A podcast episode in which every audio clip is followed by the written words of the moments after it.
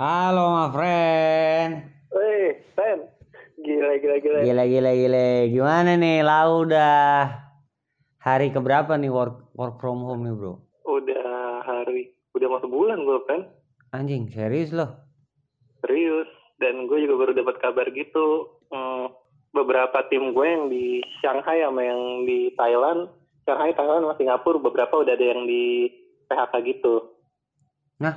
Untuk, iya, untuk saving cost. Tapi beruntungnya yang di Indonesia masih aman nih. Hmm. Soalnya marketnya Indonesia kan memang fokusnya marketnya di Indonesia nih, jadi lagi aman kayak gitu. Oh. Sementara ya. Kalau seandainya nih, kan Hmm. menurut perhitungan kan mundur nih dari katanya Mei ternyata jadi Juli. Memungkinkan nggak posisi lu masih aman juga? Gua rasa masih karena tapi beda-beda ya tiap tiap kan ini kalau dari gue sih gue masih gue rasa masih. Cuman eh gue ngelihat beberapa teman gue yang lain, gue buka sosial media Instagram udah banyak ke-post tuh udah ada yang di PHK juga tuh di laid off begitu kan. Hmm. Eh, mereka itu soalnya kayak gini sih kalau lu kena cut zaman jam segini nih impossible banget nyari kerja nih hari-hari gini Ya. kayaknya bahkan sampai akhir tahun sih susah gue rasa ya Nah, serius loh. serius teman-teman gue yang gue tanya nih yang yang yang tinggal di Singapura gue tanya abis ini rencana lo apa? Nyari kerja lagi? Impossible man yang bilang cari kerja jam segini. Realistisnya mungkin mereka saat ini bisa ngambil master lagi S2 soalnya udah nggak ada yang bisa ada yang bisa dilakuin lagi kalau buat finding new job gitu. Oke. Terus impossible Oh kan itu kan untuk yang misalkan ekonominya masih bagus gitu. Kalau menurut lo dari kan lo juga ya secara tidak langsung kan udah hatam lah masalah ekonomi. Paling mungkin nggak sih kalau kita tuh bertahan dagang gitu? asal apa yang kita jual nggak kena impact langsung dari dolar atau dari dolar sih atau yang diimpor gitu kayak gue pernah bikin riset sama tim gue rata-rata yang jualan makanan eh, retail gitu bahan Ah. kebutuhan pokok sehari-hari sembako mereka masih bisa survive sih bahkan kayak nggak terlalu impact gitu eh, Hmm. COVID-19 ini tapi yang kena banget tuh yang kalau lu misalnya kayak punya lapak atau punya gerai kayak di mall-mall Hmm. atau yang bener-bener jualan tuh apa dilakuin secara offline gitu yang paling kena sih ya kayak gitu sih Oke, berarti bisa dibilang yang dilibas nih ekonomi menengah ke atas ya? kena ke atas apalagi yang berhubungannya sama apa perdagangan asing gitu dolar segala macam Oh. bahan baku impornya apa bahan produk yang lu jual dari luar kayak gitu-gitu efek banget sih Kalau menurut lo kan pemerintah udah bilang ada keputusan untuk ngenjot di padat karya itu implikasinya sebenarnya apa sih? Apakah untuk menahan lonjakan harga atau untuk mengantisipasi kalau seandainya ada orang-orang yang ke PHK kayak tadi tuh untuk bisa dialokasiin udah lu kerjanya padat karya aja deh. Hmm, jujur sih gue belum denger yang padat karya itu. Oh, belum oke. denger yang apa masalah pemerintah mau lebih fokusin orang-orang ke padat karya itu gue belum dengar soal itu. Makanya kayak gue belum bisa kasih statement untuk kayaknya Hmm. kalau soal itu. Kalau kita ngomongin eh, kondisinya berarti sebenarnya hampir udah mau faktab ya, tapi belum terlalu faktab. Gue pernah baca berita ya. Terus si menurut artikel yang gue baca pengusaha sih eh, asosiasi pengusaha sih bilang mereka cuma bisa survive sampai bulan Juni nih katanya nih. Sisanya daripada itu gue nggak tahu tuh. Mungkin pemerintah mau ikut bantuin ekonomi kayak gitu. We don't know kayak gitu. Wow. Iya soalnya ke- kemarin gue sempat dengar beberapa teman-teman juga ada teman-teman gue ada beberapa yang ada kemungkinan nggak dikasih THR karena eh, untuk memperpanjang napas perusahaan. Kalau lu sendiri gimana? Ada bercandaan sih gue sama teman-teman gue sih katanya udah dah nggak usah ngarepin THR digaji aja masih bagus nih jam segini katanya nih. Tapi kalau misalnya gue ngelihat statement lo tadi Hmm. Kayaknya gini Bray, gue gue juga lihat beberapa di postingan teman-teman gue yang udah pada kena PHK nih. Hmm. Emang tiba-tiba ternyata sekarang yang mau nggak mau yang misalnya ngakuin mereka jualan nih. Iya iya iya iya iya. Jadi banyak pembantingnya kalau mungkin kalau misalnya di walaupun gue belum dengar tentang yang pemerintah program padat karya itu tapi kayaknya eh, habit habit alami dari orang-orang ketika udah lagi saat ini mereka lagi nggak bisa nyari kerja yang kayak biasa juga yang tetap juga Hmm. mereka akhirnya mulai beralih ke wirausaha kecil-kecilan kayak gitu.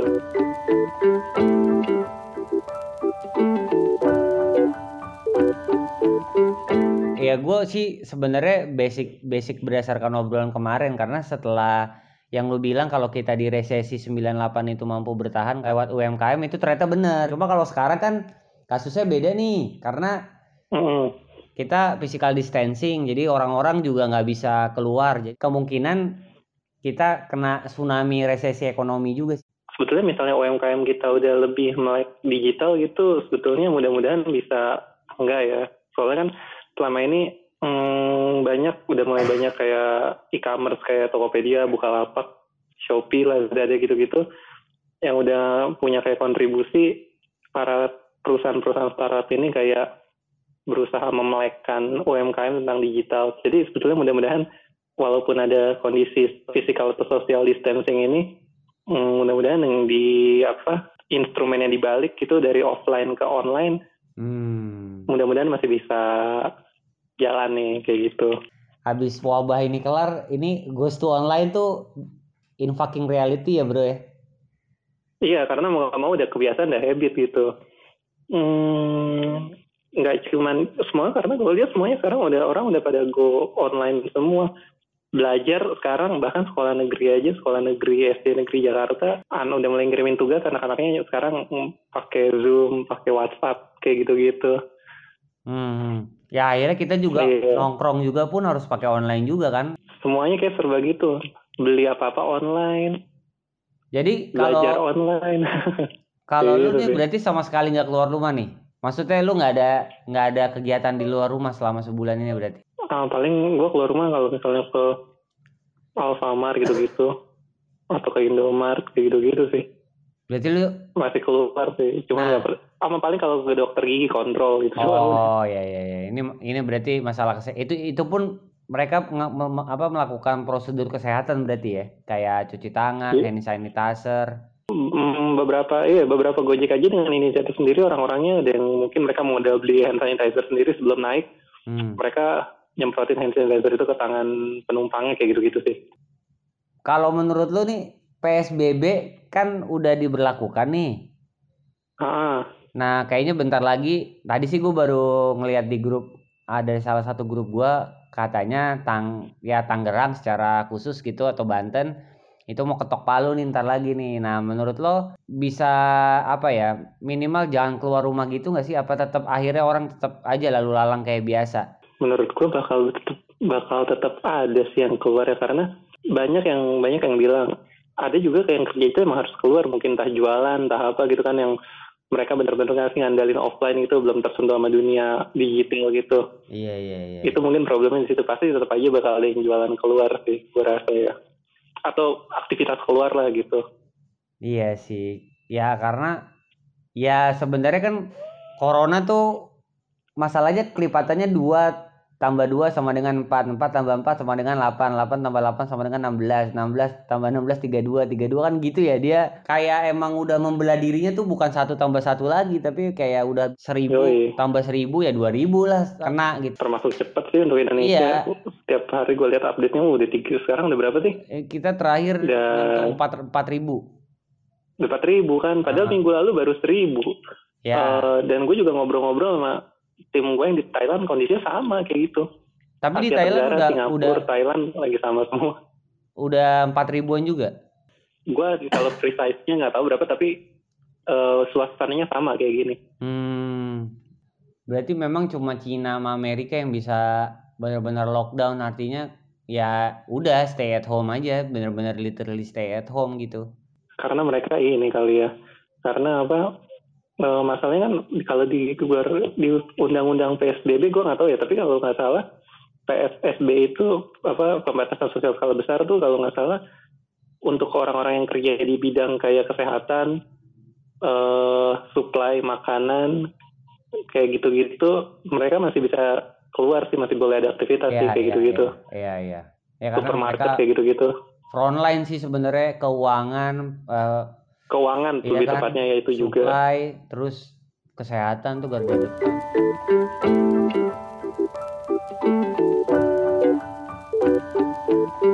Kalau vaksin kan setahu gue tuh nggak bisa cepet ya, minimal 5 sampai 10 tahun. Nanti kalau dipaksain bikin vaksin orang-orang karena ah udahlah biar biar cepet aja nih.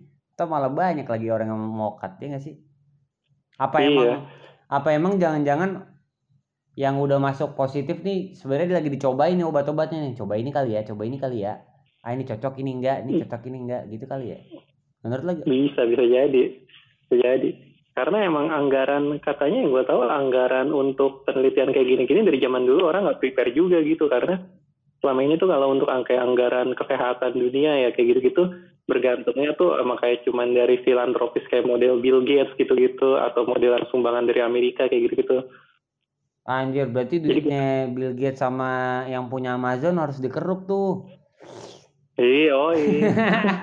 kan dia duitnya udah satu satu tahun pendapatan negara, negara Buset. berkembang.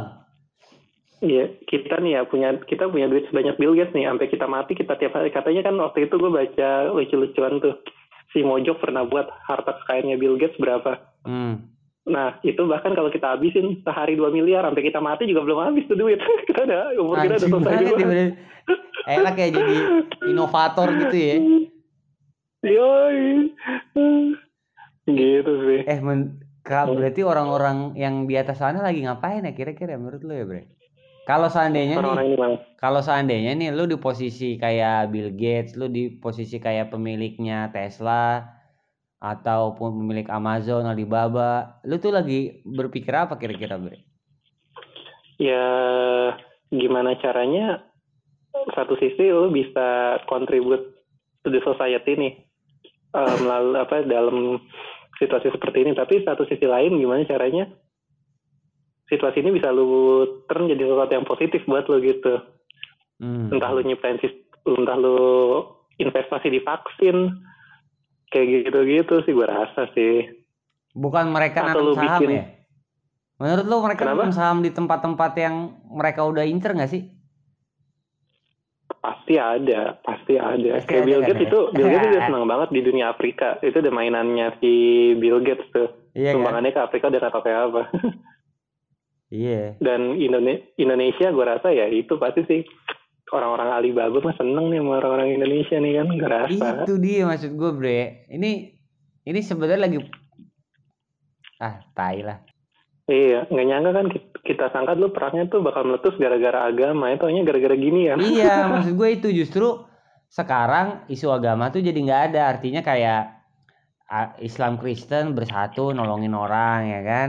Jadi kemanusiaan iya, iya. naik, iya. tapi sebenarnya yang lagi diincer adalah eh, ekonomi untuk gua nggak ngerti ini sebenarnya arahnya ke mana cuma kayak ini mau di force banget nih kayaknya ditekan untuk ayo semuanya tuh uh, harus uh, goes to digital kemudian orang shit happen tuh 2000 2020 di empat bulan ini udah kayak Kobe Bryant tiba-tiba ada kebakaran hutan di Australia, Australia. terus hmm. kemudian ya banyak yang mati-mati lah artis-artis tiba-tiba corona. Terus ini kayak entire 2020 ini udah kayak pandemik bukan cuma ngurusin wabah doang sih. Ini kayak banyak nanti orang-orang gila. Nih gue yakin nih kelar wabah ini nih banyak kasus-kasus aneh tau bre. Iya iya benar. Uh, lebih ini sih gejalanya itu lebih ngeri daripada 2009 mungkin 2009 Amerika sama Eropa doang oh ini kalau ini kan kena nih suatu dunia entire kan. fucking world ya kan Yoi. Banyak banyak. Banyak banyak. Banyak cara pandang hidup, cara hidup orang tuh kayaknya sini berubah sih. Cara kerja, cara hidup. Kayak gitu sih. Nah, ya gak sih. Jadi semua tuh plotting untuk ayo kerja kerja pinter. Karena lo harus bisa ngerjain ini lagi. Lo harus ber, berpikir lebih holistik. Nggak cuma ngambil keputusan ekonomi doang tapi sustainably. Sebenarnya sustainably-nya bukan holistik untuk melihara. Jadi gue berpikirnya holistiknya adalah bukan untuk memelihara bumi tetap tapi sebenarnya karena mereka udah tahu nih urgensinya bahan bakar mentah udah mau habis jadi kayak kita konversi aja yuk mendingan kita pakai sustainability energy gitu. Ya karena bahan minyak udah habis cuy. Udah udah ya udah kan? habis. Ya, jadi um, ya mau nggak mau kan uh, harus semua diganti ke yang bertahan lama yaitu solar solar apa kayak ya kan penemuan-penemuan bakal banyak sih ini kayaknya. Iya ini kayak ada kejadian kayak gini malah makin untuk ini sih malah kayak ngebus mempercepat mengakselerasi ke arah sana gitu. Iya yeah, ya. Yeah. Ini. Ini kayak kayaknya efeknya ke sana kali ya. Enggak sebenarnya ini gue mau mau ngarahin untuk kayak ini kira-kira nih ending abis ini ya satu pasti eh, banyak orang depresi lah ya karena ya se- sejujurnya gue juga khawatir karena kan ekonomi nggak jelas nih ya kan? Industri entertainment apakah di tahun ini masih bagus? Ya gue yakin industri entertainment akan keep keep keep on going gitu. Tapi kan kemudian pertanyaannya seberapa masif lagi nih? Ini kan kema- ini kan lagi masif masifnya tiba-tiba pandemi tak di cut semua. Musisi nggak ada Hmm. job. Seniman juga bingung freelancer apalagi segala macam gitu Hmm. sampai ekonomi juga berantakan kemudian pertanyaannya kan itu kemudian pasti akan banyak orang stres ya akan banyak juga orang-orang yang nggak tahu mau ngapain gitu kan ya nggak sih Iya, benar. Hmm, lebih tepatnya kayak ini sih bre kayak mungkin abis ini kayak banyak orang kalut, orang stres kayak macem. Lu, gue jadi ngebayangin kayak film-film post apokalips kayak beneran kejadian. iya.